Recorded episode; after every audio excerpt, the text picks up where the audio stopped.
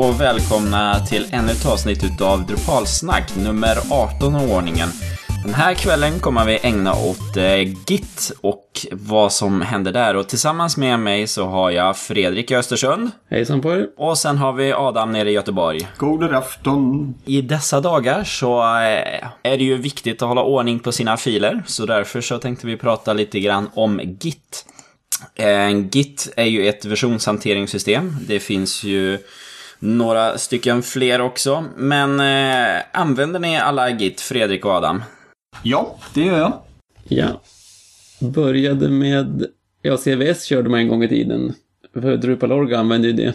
Sen var det Subversion och sen gick jag ganska snabbt över till Bazaar som jag fortfarande använder för en del privata projekt. Men mest är det ju Git nu för tiden. Mm. Du då Adam? Jo, Git eh, använder jag. Jag touchade lite Subversion eh, i jobbets vägnar. Eh, men i och med att eh, när Drupal 7 lanserades och de gick över till Git där några månader senare så eh, konverterade vi alla våra gamla Subversion repos till Git. Så att eh, efter det så har jag hållit mig till Git. Jag har inte brytt mig om att titta på några andra system. För jag tycker det, är, det, det räcker till vad jag själv gör privat. Och eh, i jobbet så använder vi också Git.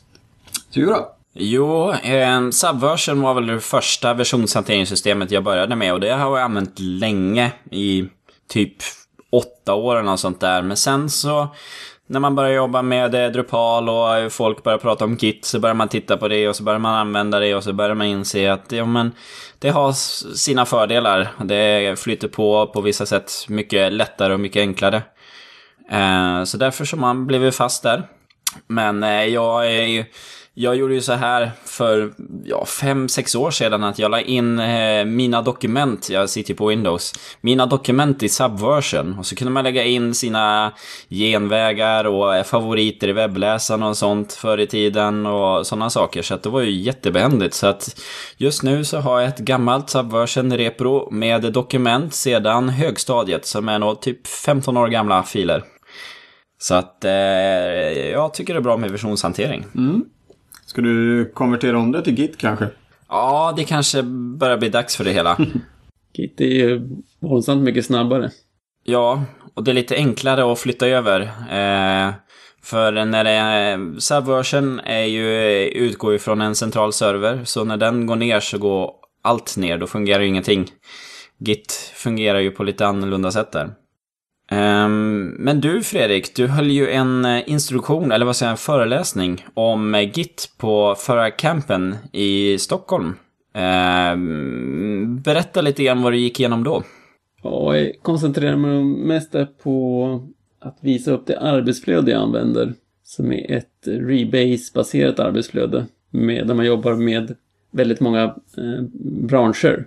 Att man har eh, eh olika branscher för sin testserver och sin produktionsserver. Och dessutom kanske om man är, om man kör sprinter och kör agilt, att man har en bransch för eh, varenda sprint och sen inom varje sprint så har man ytterligare branscher för varje eh, user story eller issue eller bugg eller vad det nu är för någonting.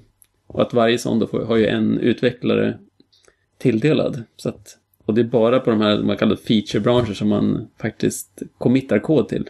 Och sen kör man bara merge då hela vägen ner sen. Det är en skillnad med, mot andra mm, versionshanteringssystem, eh, äldre sådana i alla fall, att Git, i Git är det väldigt billigt och väldigt snabbt att skapa mycket branscher så att man har ju utvecklat mycket mer och flexiblare arbetsflöden med Git än man mm, med äldre sorters versionshanteringssystem. Mm. Jag tycker det är jätteintressant här nu, men om du som lyssnar på oss nu reflekterar över att nu fattar jag ingenting. Vad pratar om? Rebase, merge, branch, hit och dit. Så är det därför att det är en inlärningströskel på Git. Och eh, vi har förberett med lite material. Både jag och Fredrik hade varsin tutorial som, vi, eh, som man kan gå igenom. De är långa och de är på internet. På, en på YouTube och en på Blip TV. Du hade nog den, eh, den första nivån, eh, Fredrik. Um... Git for ages 4 and up. Så det borde passa de flesta. Ja, det var väldigt intressant. En väldigt så pedagogisk visar med klossar och eh, leksaker hur Git fungerar i, i sitt tänk och hur den eh, håller reda på filer. Och sedan så har jag en Eh, YouTube-film eh, som heter Introduction eh, to Git with Scott Coken of GitHub. Så det är en av killarna där på GitHub som går igenom en en och en halv timmes genomgång om Git, om hur man jobbar, eh, hur man kan skapa branches och hur man eh, är flera stycken som jobbar tillsammans. De två videorna tror jag skapar en väldigt eh, god grund eh, att stå på för att förstå hur Git verkligen fungerar. För även om man kan andra versionshanteringssystem så fungerar Git väldigt annorlunda mot i princip alla andra. Och förstår man inte, har man inte jobbat med versionshantering alls så är det ju perfekt att sätta sig in i hur, eh, hur det faktiskt hanterar koden. Mm. För det är ju väldigt bra att förstå vad som är enkelt i Git och dra nytta av det hela och inte tycka det är jobbigt eller besvärligt. Eh, för det har varit så i andra system medan i Git är det väldigt enkelt. Git är ju inte så, så det är inte byggt för att vara så grymt användarvänligt, men det är ett proffsverktyg för utvecklare. Men vad det är är ju otroligt kraftfullt, väldigt snabbt och när man alltså har som har tagit sig, det är ungefär som med Drupal. Drupal är också en ordentlig inlärningströskel, men om man väl kommit över den så kan man göra otroligt mycket med verktyget. Mm. Ryktet säger ju att det var Linus Torvald som skapade Git därför att han blev frustrerad på de befintliga versionshanteringssystemen. Och han tyckte att det här kan jag göra om och göra bättre. Så han satt en vecka eller två och gjorde grunderna i Git. Sen eh, så kände han sig nöjd och efter det så har eh, det kommer mer som har jobbat med mer grafiska och sådana saker. Men eh, baskärnan är det han byggde ihop för några år sedan. Det byggdes ju specifikt för att eh, utveckla Linux-kärnan. Mm. Så att hela Linux-kärneprojektet körs ju Git. Och idag är det ju otroligt massa open source-projekt som kör Git. Det är uh, mycket tack vare GitHub som vi ska prata om sen, men det är Mm. otroligt många open source-projekt som kör Git. Jag ser här, du har eh, tipsat också om några böcker i, i Git, i alla fall en bok. Ja, det är Git-boken nummer ett och den finns, eh, jag tror det ligger under Creative Commons. Så går man på Gits eh, officiella hemsida som är git-scm.com så går man på snedstreck book där. Eh, så, eller du har någon länk från, hem, från första sidan. Så har man, den är väl mer eller mindre den officiella Git-boken som man kan ladda hem och läsa. Eller läsa den direkt på webben. Mm. Det är väl väldigt trevligt. Och det är också eh, gjort utav Scott som ledde den här YouTube-videon som eh, du tipsade om, Kristoffer. Han har skrivit den boken. Ja, där ser man. Världen är liten ibland. Världen är liten, ja, precis. Sen har jag lagt in en rad eh, länkar som vi nog bara kan lägga ut på i våra show notes så folk kan se. Det är en rad bra eh, resurser med mycket bra tips och eh, idéer som jag har. Den som jag kanske speciellt vill peka på är Randy Fays eh, sida. Han är ju känd eh, Drupal-utvecklare, jobbar på Tag One nu för tiden om jag inte missminner mig. Och han har eh, samlat en hel rad Drupal-specifika Git-tips hur han jobbar. Där har jag lärt mig mycket. Och just nu på framsidan så är det Git Bisec, vilket jag sen ska prata i, mer om. Ska berätta för Fredrik och Adam hur det fungerar som här. Ja, men eh, Git kan man ju jobba grafiskt och man kan jobba via konsol. Jag tycker om att jobba via konsolen. Ehm, för att det har man alltid med sig. Ehm, vad tycker ni? Vill ni jobba grafiskt eller vill ni jobba vid konsol? Det är kommandoraden som gäller. Jag tror alla jag har hört som eh, försöker lära ut eh, Git vurmar ju för att man ska åtminstone börja på kommandoraden så att man bör, har någon grundförståelse för vad verkligen som händer. Med ett grafiskt verktyg är det lätt att vira in sig lite grann med Git. Och du Adam vet att du har ju börjat ju använda grafiska gränssnitt men har gått över till kommandoraden.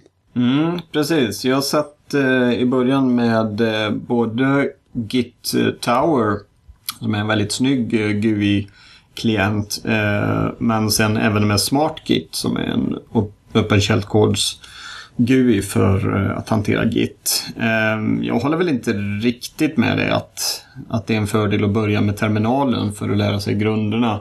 jag kunde jobba i de här GUI-klienterna utan några större problem. Får jag säga. Och i, många fall där, eh, där man skulle jobba både i terminalen och i GUI så när det strulade då var det i GUI som, som eh, jag kunde komma vidare. Men eh, visst, du har alldeles rätt. Jag har lämnat de här eh, och gått över till kommandoraden. Eh, och det är inte bara för att man på jobbet ska kunna få vända sig om och vråla till kollegorna att nu är det dags att pulla. Eller något sådant. Eh, lite sådär tonårsaktigt. Utan eh, jag ville lära mig lite mer om eh, Git. Eh, och framförallt använda det i kommandoraden. Och efter en hel del gittande så, eh, så går det snabbare. Det, eh, och jag får bättre kontroll på det också. Så att eh, summa summarum. Jag lärde mig hantera det i GUIT och jag lärde att mästra det i kommandoraden. I alla fall det lilla Git som jag pysslar med. Det, vi kan återkomma till nivån av det sen. Mm. Ja, där kan jag ju känna att jag, eh, jag jobbar mycket i konsol, men jag saknar egentligen något bra sätt att gå igenom commitsen på ett enkelt sätt. Det finns olika kommandon, men de är ganska trubbiga. Jag har något projekt som vi eh, har ett repro på Bitbucket. Och det är ju ungefär som GitHub. Och då blir det, stöter jag på problem så surfar jag in på hemsidan och där grafiskt kan stega igenom commitsen och på enkelt sätt mm. se en diff och, och browsa i reprot i olika steg. Att kunna hoppa tillbaka i en gammal version. Så att mm. um, där har ju ett GUI en fördel. Men för det dagliga arbetet framåt så är ju konsol eh, mycket snabbare när du kommer in i kommandona. Precis. Och det är väl en, en jättebra variant att jobba, jobba, jobba i konsolen och sen när någonting behöver förklaras lite extra eller man vill se det Ja, då, då går man till ett annat verktyg eller i, i det här fallet då att surfa in på Bitbucket och, och kolla det. Men eh, Kristoffer, just för de där sakerna som du nämnde för att få Dels för att få en bättre bild av, eh, av loggen och av commitsen plus att eh, när man vill köra add bara på enstaka mappar, enstaka filer man kanske har ändrat på en hel rad filer och så vill man komma på att det här blir inte så bra att göra ett commit på utan man ska vilja dela upp det. Eh, då finns det ett N-cursors frontend för Git som heter TIG, vilket är lite fint som det är Git fast omvänt. Vi lägger ut en, en länk på det så att Vil vilken, det... vilken nördighetsgrad är det liksom? Mm, fortsätt. Något kul måste man ju ha. Ja. Så att eh, när man ska köra igång det så det enda man gör, man skriver bara på, man skriver på kommandoraden, skriver man bara TIG. Och så får man upp ett eh, litet, ja vad ska man ett kommandorad grafiskt interface som man kudar runt med, med piltangenterna och har lite eh, tangenter. Då kan man just få gå igenom committerna. Då listas de på den övre halvan i terminalen och under halvan så kan man se diffen på den och man kan gå in och stega sig in och sådär. Eh, riktigt smidigt och man behöver inte lämna kommandoraden. Mm. Open source naturligtvis. Enklast för, eh, för er som kör Mac är att installera via, jag installerar Git så också via Homebrew. Man skriver bara brew, install, Git och TIG så är man fixat. Och detta gäller då i eh, Unix-baserade operativsystem antar jag? Ja. Eh... Men inte på Windows? Ja, vad heter det? Det finns något som heter... Som man kan köra Unix-grejer i Windows. Cygwin heter det väl? Mm. Det borde gå att köra där. Ja, fast då finns det bättre som är Windows-specifika mm. som default. En som jag har kört då väldigt mycket det är eh, eh Torsio Git. Eh, det kommer ifrån att det finns Torsio SVN som är en SVN-klient. Så man bara högerklickar på mappar i eh, Internet Explorer, eller säga i Explorer utforskaren.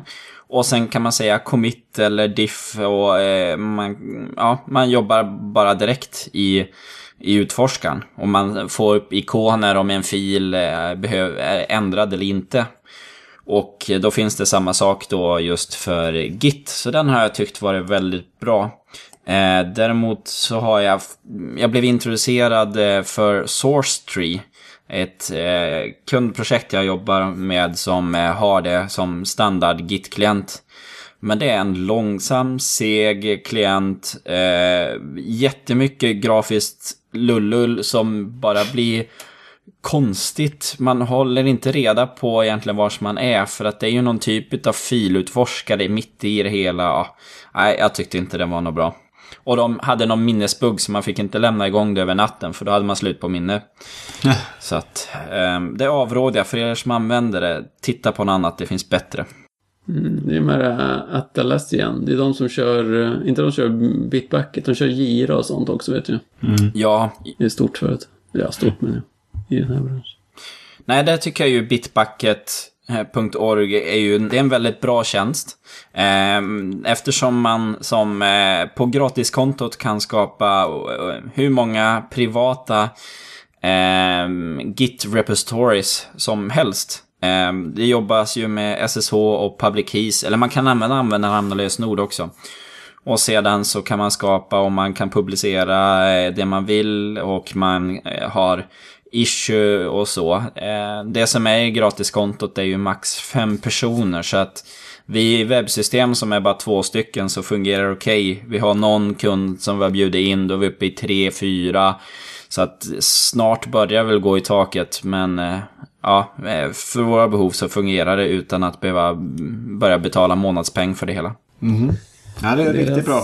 Mm. Deras prisbild, eller prissättningar tycker jag är mer mm, känns mer logiska än, än GitHubs. Mm, och det är inget dåligt system alls, men GitHub är ju ändå ett stråvassare i funktionalitet och sånt måste jag säga. Men Bitbucket är inte alls dåligt. Mm. Jag har kört en del grejer där, det funkar alldeles utmärkt. Men det är tveklöst att GitHub är ju det stället. Alltså, för många är ju Git lika med GitHub. Mm. Mm. Vilket det naturligtvis inte är, men eh, en stor orsak till att eh, GitHub har blivit så eller att GitHub blir så populärt som det har blivit är ju GitHub. För på GitHub, är det ett open source-projekt, då får du ligga där gratis. Det är ju bara när man vill ha privata, kommersiella repron som man behöver betala. Och de har ju bra verktyg mm. för att kunna jobba i projekt också. Allt ifrån issue-köer till eh, eh merge-hantering. Eh, hur man ska jobba tillsammans i stora mm. projekt dokumentation och enkelt sätta upp. De använder ju, mm, eh, vad heter det, de genererar statiska hemsidor från, från Markdown. Så man kan mark, eh, committa Markdown-filer så har man sin hemsida. Eh, är det Jekyll det heter? Ja, det tar vi bort namnet på det men. Det var väldigt enkelt att slänga upp sin slänga upp sitt open source-projekt där, få upp en snygg hemsida som, och hantera allting där. Och med, med är issue och wiki och dokumentation och och hela det, de eh, förordar ju ett arbetsflöde med pull requests.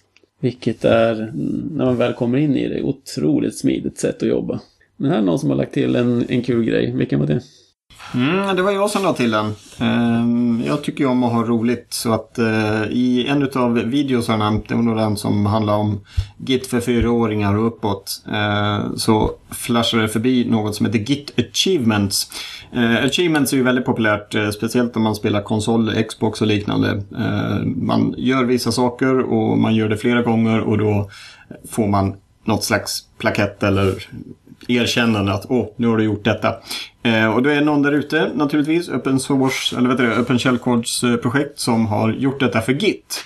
Så att om man vill ha lite roligare när man sitter och gittar och committar och addar och allt sånt så eh, kan man installera detta.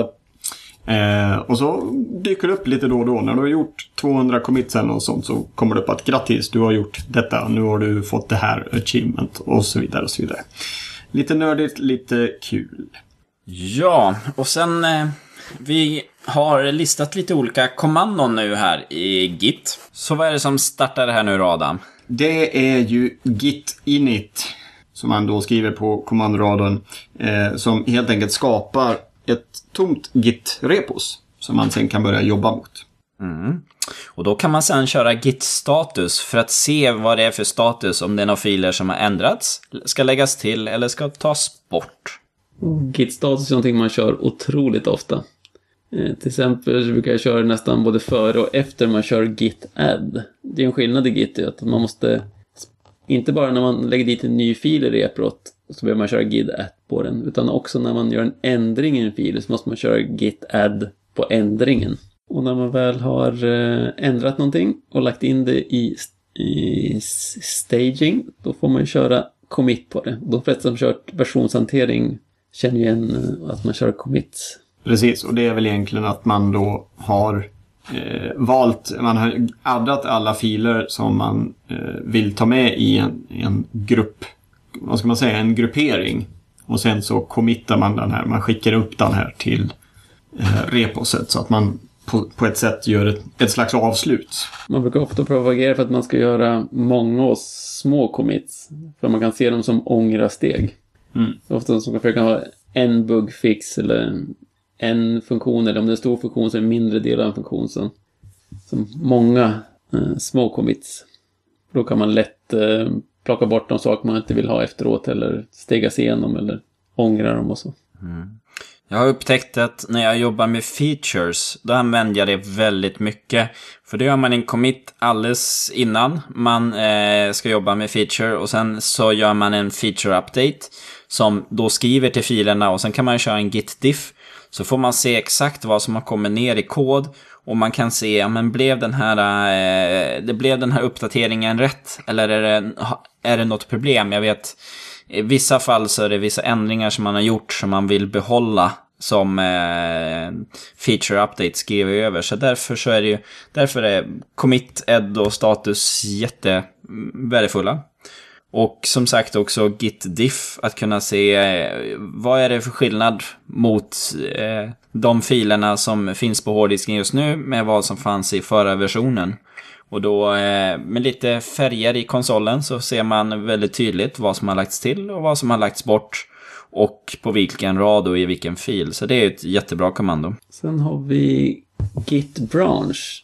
I, man, om man är van med Subversion, då att göra nya branscher, det var otroligt komplicerat och man verkligen drog sig längsta för det. I Git är det tvärtom. Man skapar branscher utan någon som helst hejd. I många projekt jag är med så har man, man kan per dag skapa och kasta dussintals bran eh, branscher. Och det är, det är det sättet man arbetar, att var och en jobbar i sin egen bransch och skriver sin kod och sen kör man merge på den och då kastar man bort, och då behövs inte branschen längre, så kastar man bort den. Och en bransch är att man gör en...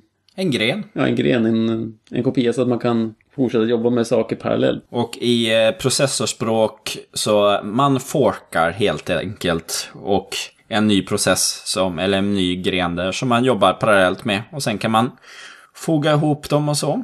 Och eh, då när man byter mellan branscherna så använder man ju checkout. För att eh, ta ut om man är på master eller dev eller vilken bransch man nu är på. Så det är ju också ett väldigt vanligt kommando. Git checkout tar ju ut, bestämmer vilka filer man har i sitt working tree, alltså de filer man, man ser och man kan arbeta med i sin texteditor. Och sen har man ju det att mång, alla kommandon vi har pratat hittills kan man köra på sin egen dator helt utan någon kontakt med omvärlden och i en enda mapp. Man behöver inte ha någon central server. Eh, men ibland så vill man ju kunna göra en kopia eller man vill kunna dela med en annan server. Så då använder man git clone. Och man kan klona från en annan del utav hårddisken.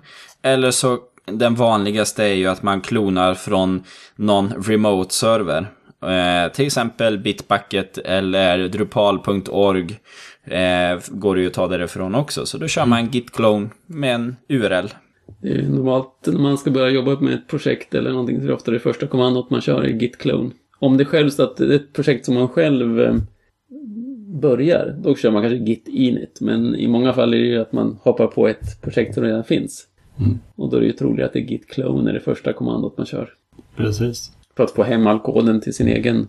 Det, det är ju värt att nämna då, precis som du sa Kristoffer, att eftersom det är ett distribuerat system att när jag, om jag kör git clone på, eh, på Drupal reprot då får jag inte, jag får liksom inte bara någon liten bild av utan jag får ju en hel klon. Så det är inte en, en checkout eller något utan jag får alla commits, all historia. Om Drupal.org skulle eh, försvinna i tomma intet så har du det reprot som alla andra ska kunna fortsätta jobba på. Och det reprot just nu innehåller ju mm, all, ja är det, fyra, femman, sexan, sjuan, åttan och en, det finns en bransch för nian också i det reprot. Det är en otroligt många års eh, kodhistoria där. Så att, eh, har man det repot då kan man säga du kan checka ut Drupal 4.4 och se hur den såg ut. Och där har ju Git fördelen eftersom den skapar inte kopior på filer som är likadant utan den bygger upp en hash, hash-databas med eh, filinnehållet. Så även om eh, den innehåller alla versioner utav Drupal så är det ju många fildelar. Inte hela filer utan bara fildelar som är samma och då eh, blir, eh, tar det bara upp en ett i plats då, eller vad man ska säga. Ska vi kolla hur stor, hur stor den är? Mm, Den är 134 meg totalt. Mm. Och då tror jag just nu så är det det att Drupal 8 har tagit in massor med tredjepartsbibliotek. Som gör att det har vuxit i storlek. Men ändå 134 meg med dagens hårddiskar är ju nästan ingenting. Nej. Nej. Det är nästan som man skulle kunna lägga ner det på disketter. Men bara nästan. Det man kan göra då om man har klonat den och eh, till exempel man har klonat drupal.org och eh, utvecklingen har ju gått vidare med 8 och man vill ta ner eh, de ändringar som har gjort. Då kan man köra ett kommando som heter git fetch. Och eh, vad den gör är ju att den, den tar ner eh, remote-datan. Alltså på den andra sidan tar den ner det lokalt. Men den lägger inte in den andras eh, ändringar på din egen bransch.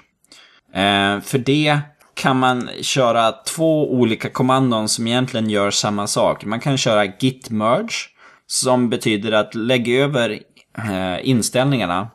Ehm, eller så kan man köra git pull ehm, för att den gör en git fetch och en git merge i ett. Och ser till så att merge får rätt flaggor. För det kan vara lite besvärligt ibland att se till så att man eh, mergar på rätt bransch lokalt med den som är remote. Och så, då kan git pull vara eh, användare. Så då får man pulla som eh, eh, Adam sa där. Vill man trycka upp sin kod till den centrala servern så att eh, andra utvecklare kan ta del av den, då kör man git push.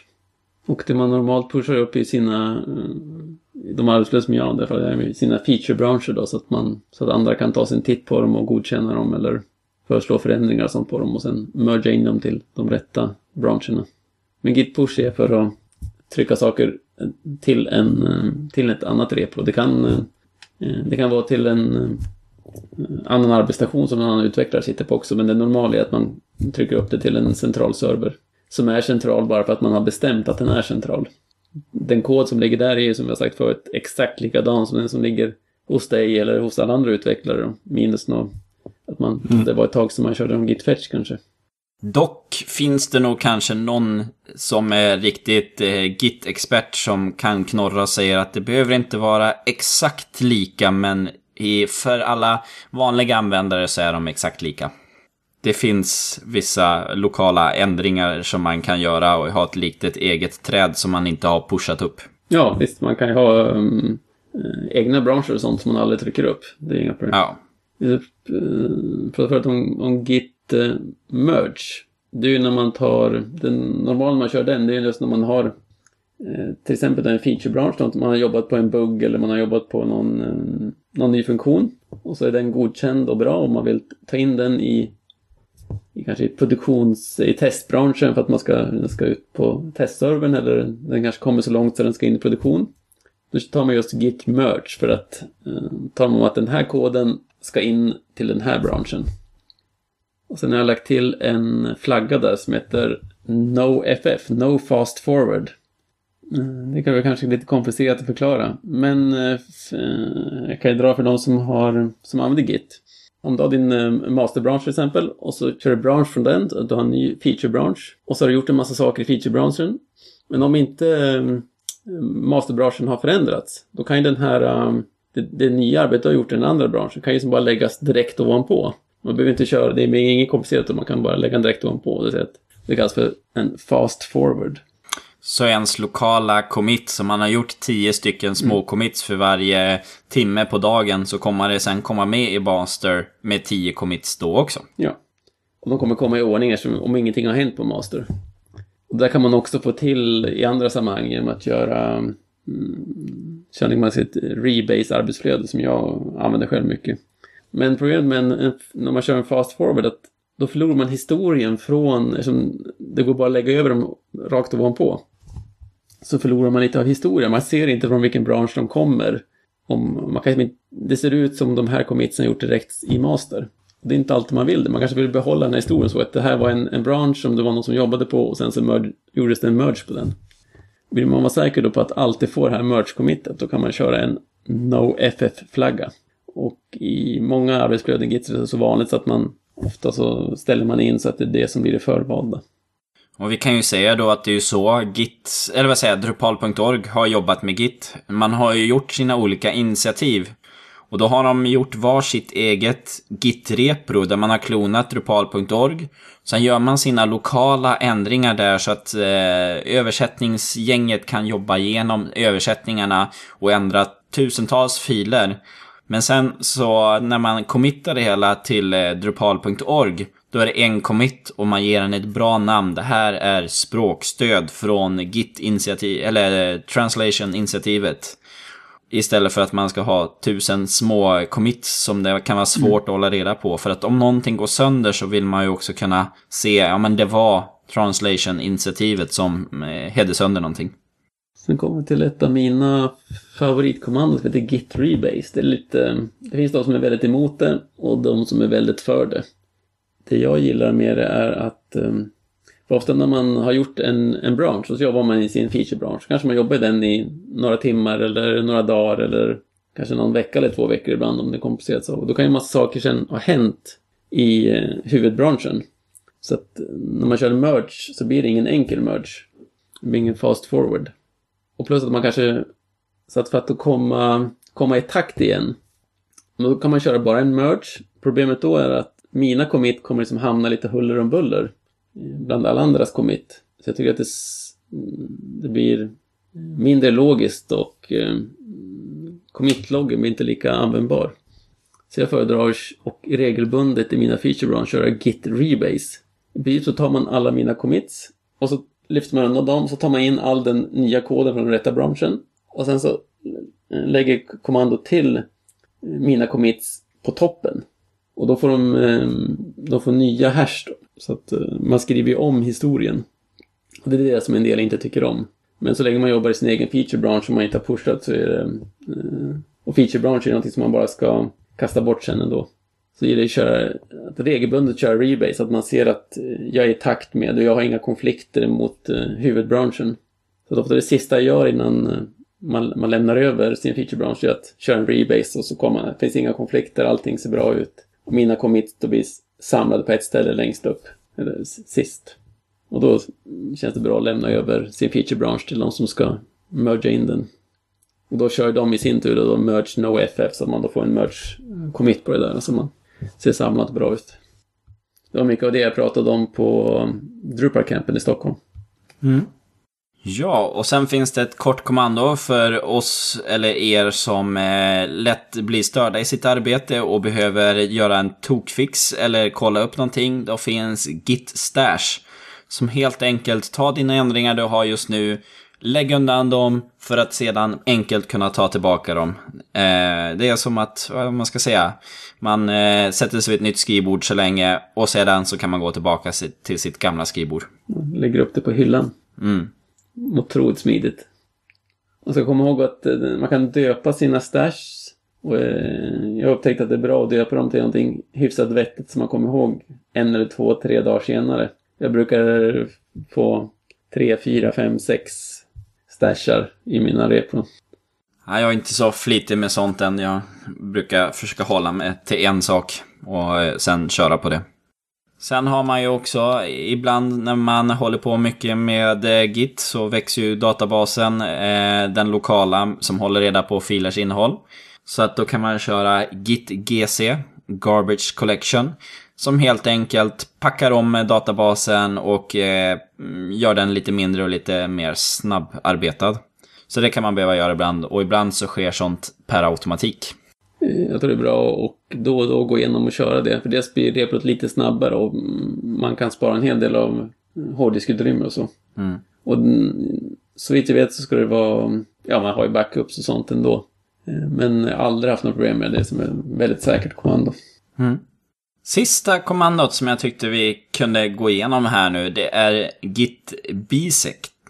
Och ehm, det är ett kommando för att hitta när någonting gick fel. Låt säga att man har eh, jobbat i drupal.org och man har jobbat i sin egen bransch. Och sedan har man gjort en tuff funktion och eh, man tar in de senaste uppdateringarna och det slutar fungera. Det händer ingenting. Eh, det man gör då med Bitsec, det är att den, man kör igång det kommandot via kommandopronten. Och den frågar när var det senast okej? Okay? Så då får man hoppa tillbaka, eller man vet att jo men för två veckor sedan så fungerade den här funktionen. Och sen nästa fråga, när är det inte okej? Okay? Och då säger man, ja men det är nu idag den här senaste committen. Och då kommer man säga, okej, okay, då tar vi här mitt i. Och då kommer den eh, checka ut det hela, Eh, den koden. Och skulle man haft ett C-program eller sånt så bygger man igen. Eh, för oss med Drupal så är det det att, ja men då kanske man surfar in på den sidan då det blir fel. Och då kanske man ser att, ja men eh, det fungerar fortfarande inte. Då går man i Git och säger den här är trasig. Då säger han hopp. Då tar vi från mitten och till början så tar vi mitten där i. Och då checkar det verktyget ut den. Och då gör man om samma process. Man säger ja men nu fungerar det. Ja, Okej, okay, men då vet vi. Då är vi från, eh, från eh, kvartan till mitten. Där har vi problemet. Då tar vi mitten utav det. Och så fortsätter det. Det blir alltså en, en binärsökning eh, vars det går fel. Och det här, eh, nu pratar jag om att man gör testningen manuellt. Det går att automatisera om man kan skriva sina tester i, som en one-liner eller ett kommandorad. Eh, så att då får man handledning i att hitta vars det skiter sig någonstans. Och då vet man exakt vilken commit det gick sönder. Så det är ett litet roligt verktyg som jag har använt en gång men då var det guld värt. Ja, det låter som ett kommando. Om man behöver det så behöver man det. Det går ju att göra det manuellt, men jädrar vilket jobb. Ja. Det visar ju kanske också vilken otrolig kraft som Git har. När, när de har tagit fram sådana här, eller de och de, när, när alla som har varit med och utvecklat Git har tagit fram sådana här grejer som visar sig vara klockrena för sådana här situationer. Det är också att prestandan är så väldans bra i systemet. Det är, det är ju verkligen mångfald snabbare än i princip vilket annat eh, versionshanteringssystem som helst. Sen så, det finns ju lite inställningar man kan göra till Git. Eh, vi kommer att dra det bara lite kort. Eh, man kan ju som sagt ha en git ignore i varje eh, katalog för att säga vilka filer som inte ska committas. Eh, det går att lägga den i användarens hemmakatalog så blir det för alla eh, repron. Så då har man en ignore-fil för allt, så behöver man inte skriva samma sak. Eh, man kan också lägga en git config i sin egen hemmakatalog. Det finns git completion som gör att den, man kan tab-komplettera så att man börjar skriva ett kommando och så trycker man tab så behöver man inte skriva klart det. Och även git prompt som eh, fixar ordning en lite bättre git prompt.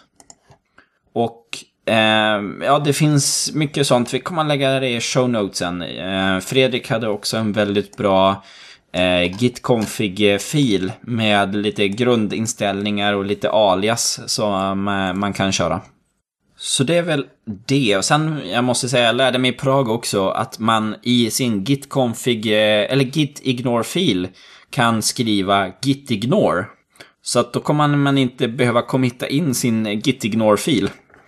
Så det tyckte jag var lite kul. Sen har vi en liten puck kvar här nu. Eh, Git arbetsflöden.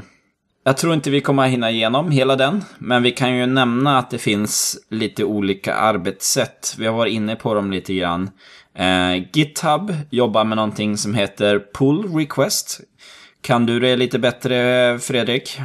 Ja, grunden där är att man, eh, man behöver inte ge mm, en massa folk skrivbehörighet till ens eh, repro. Utan eh, om jag vill gå in i ett open source-projekt så eh, klonar jag hela reprot till mitt konto på, på GitHub. Och så kan jag hålla på och dona. Så kan jag, när jag gjort, eh, kanske gör en speciell bransch och så gör jag en, en ny feature, en ny funktion som jag skulle vilja ha i det här systemet. Så kan jag i GitHubs eh, webbgränssnitt skapa en pull request med den här koden. Och så skicka jag den till, eh, till systemet, eller till, till projektet. Och då får de upp den i en lista på, i sitt, sin webbsida. Och så kan de, man kan ha diskussion om den, man kan kommentera kod för kod och eh, koden rad för rad och sådär. Himla snyggt. Och när man tycker att den är bra så kan man köra merge på den. Så att man behöver ha en liten core-grupp bara som har skrivrättigheter till rätta reprot, men ändå kan vem som helst som har ett konto på GitHub kan uh, vara med och bidra med kod. Och sen har vi feature branches. Det har vi pratat en del om redan, det är att man mm, varje liten funktion, varje bugg, varje user story har en, och en egen branch. Så alla större projekt jag kör, som jag jobbar i, arbetar så. Annars så springer man på varandras tår för mycket. Eh, Drupal.org jobbar ju lite grann så, där det resulterar i slutändan med en patch-fil som man kan eh, committa in sen senare. Så att det, det är en liten enklare variant utav pull request och feature branch. En liten mix däremellan. Det är av historiska skäl man, man ligger kvar där fortfarande och att det är ett system som funkar. Det är många som vill att man ska gå över till pull request där också. Men... Det var väl det om Git. Är det någonting ni vill lägga till i, den, i kvällens commit? Eller ska vi skicka in det hela? Nej, jag känner mig nöjd. Jag har lärt mig en hel del och kommer att fortsätta lära mig.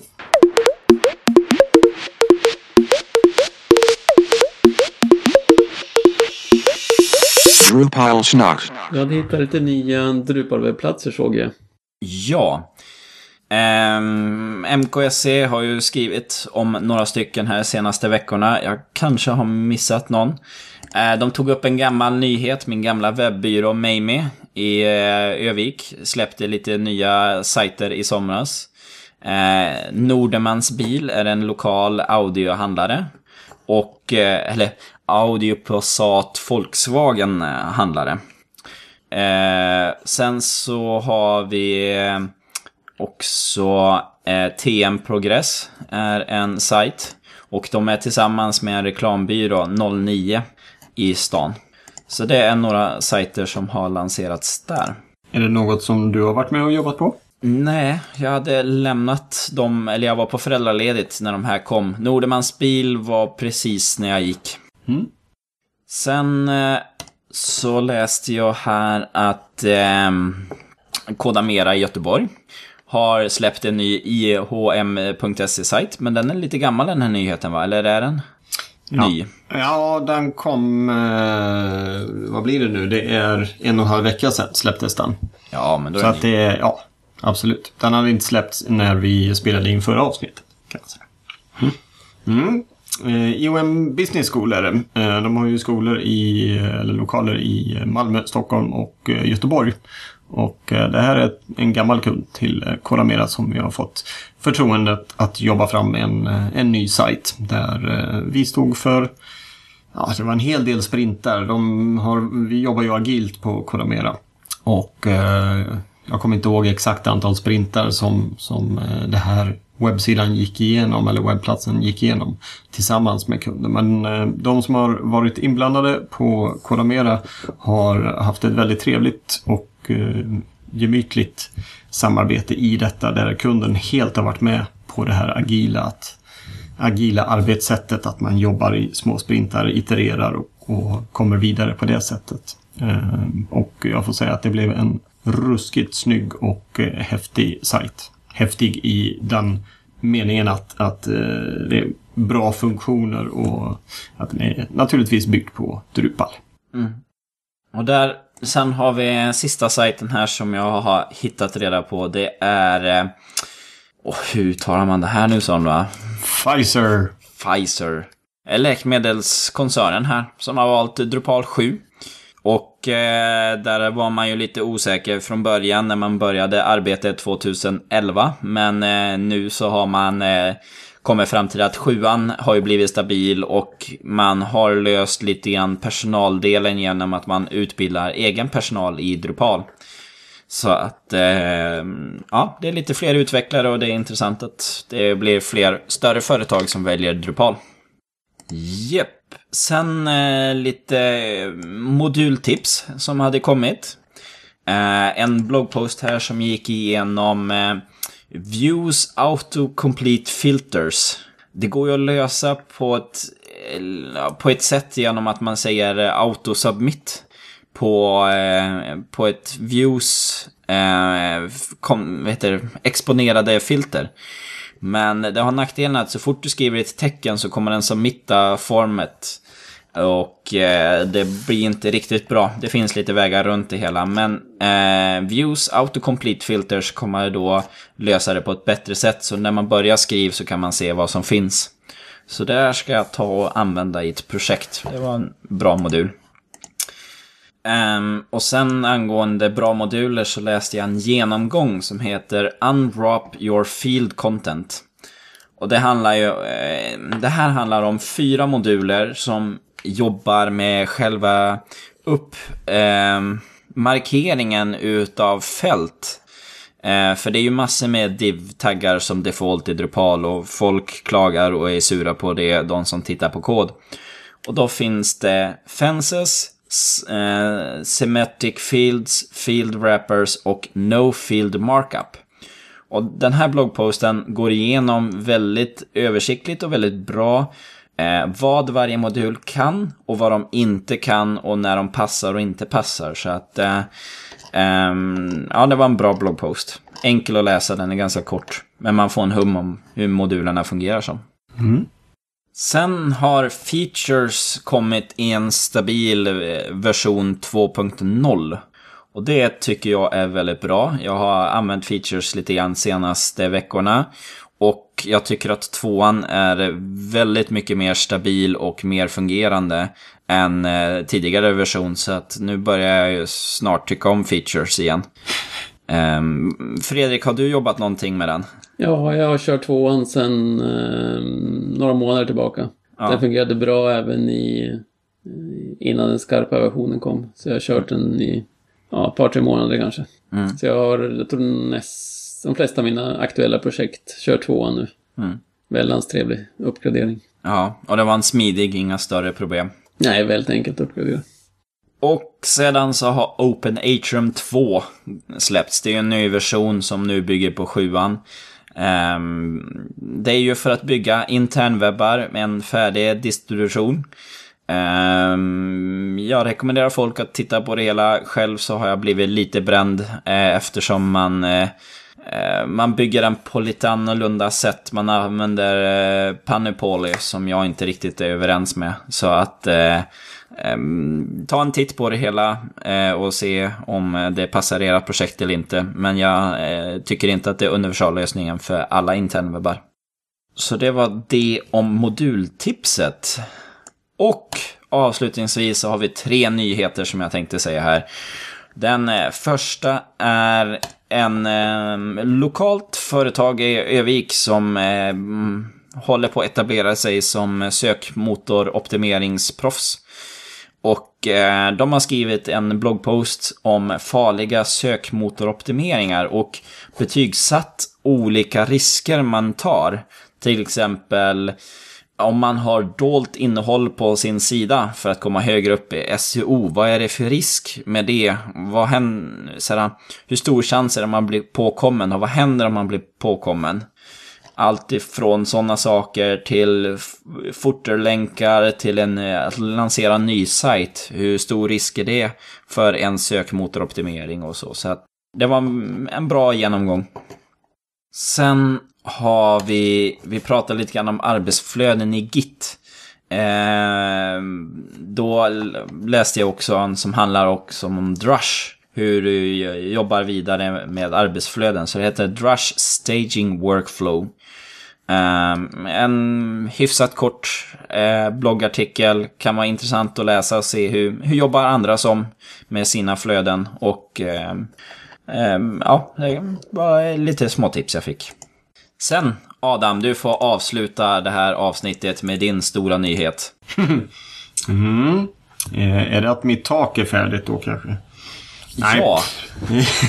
Taklagsfest, taklagsfest. Ja, precis. Nej, det, det, får vi ta en annan eh, podcast. Det, det, blir arga snickaren eller något sådant. Nej, eh, det som du tänker på är naturligtvis att vi har utlyst en, eh, en ledig plats hos oss på Coramera. Eh, vi behöver en frontändare, en gränssnittsutvecklare. Kärt barn har många namn. Så att eh, kan du CSS och HTML och och eh, framförallt då jobba med detta mot eh, Drupal så är du jättevälkommen att eh, skicka in. Och naturligtvis då vill jobba med eh, bland annat mig och eh, mina kollegor.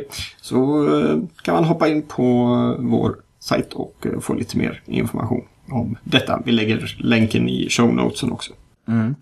Och även om du lyssnar på det här om en månad eller två så tror jag nog att man kan skicka in ett spontant CV till er va? Absolut. Det tror jag man kan göra till alla företag faktiskt. Men eh, vi har alltid stående att man kan skicka in eh, sina uppgifter till oss. Mm. Och då kan man sitta på ert kontor och surfa på Facebook och sitta med chattprogrammet uppe. Det ser vi på era skärmar. ja, absolut. Absolut. Ja, då var vi klar med det här. Och nästa program tänkte vi prata lite grann om drupalsnack.se. Alltså, hur har vi byggt upp vår sajt? Vilka moduler har vi använt? Vilka program? Vilka tredjepartstjänster använder vi? Hur har vi lagrat den? Hur jobbar vi vidare med den? Och eh, vem gör vad på den? Så helt enkelt en, eh, en case study hur vi har byggt en Drupal-sajt och eh, få lite tips och idéer om det. Så eh, lyssna gärna till oss och vi synes om två veckor. Hej då! Hej då! Hej!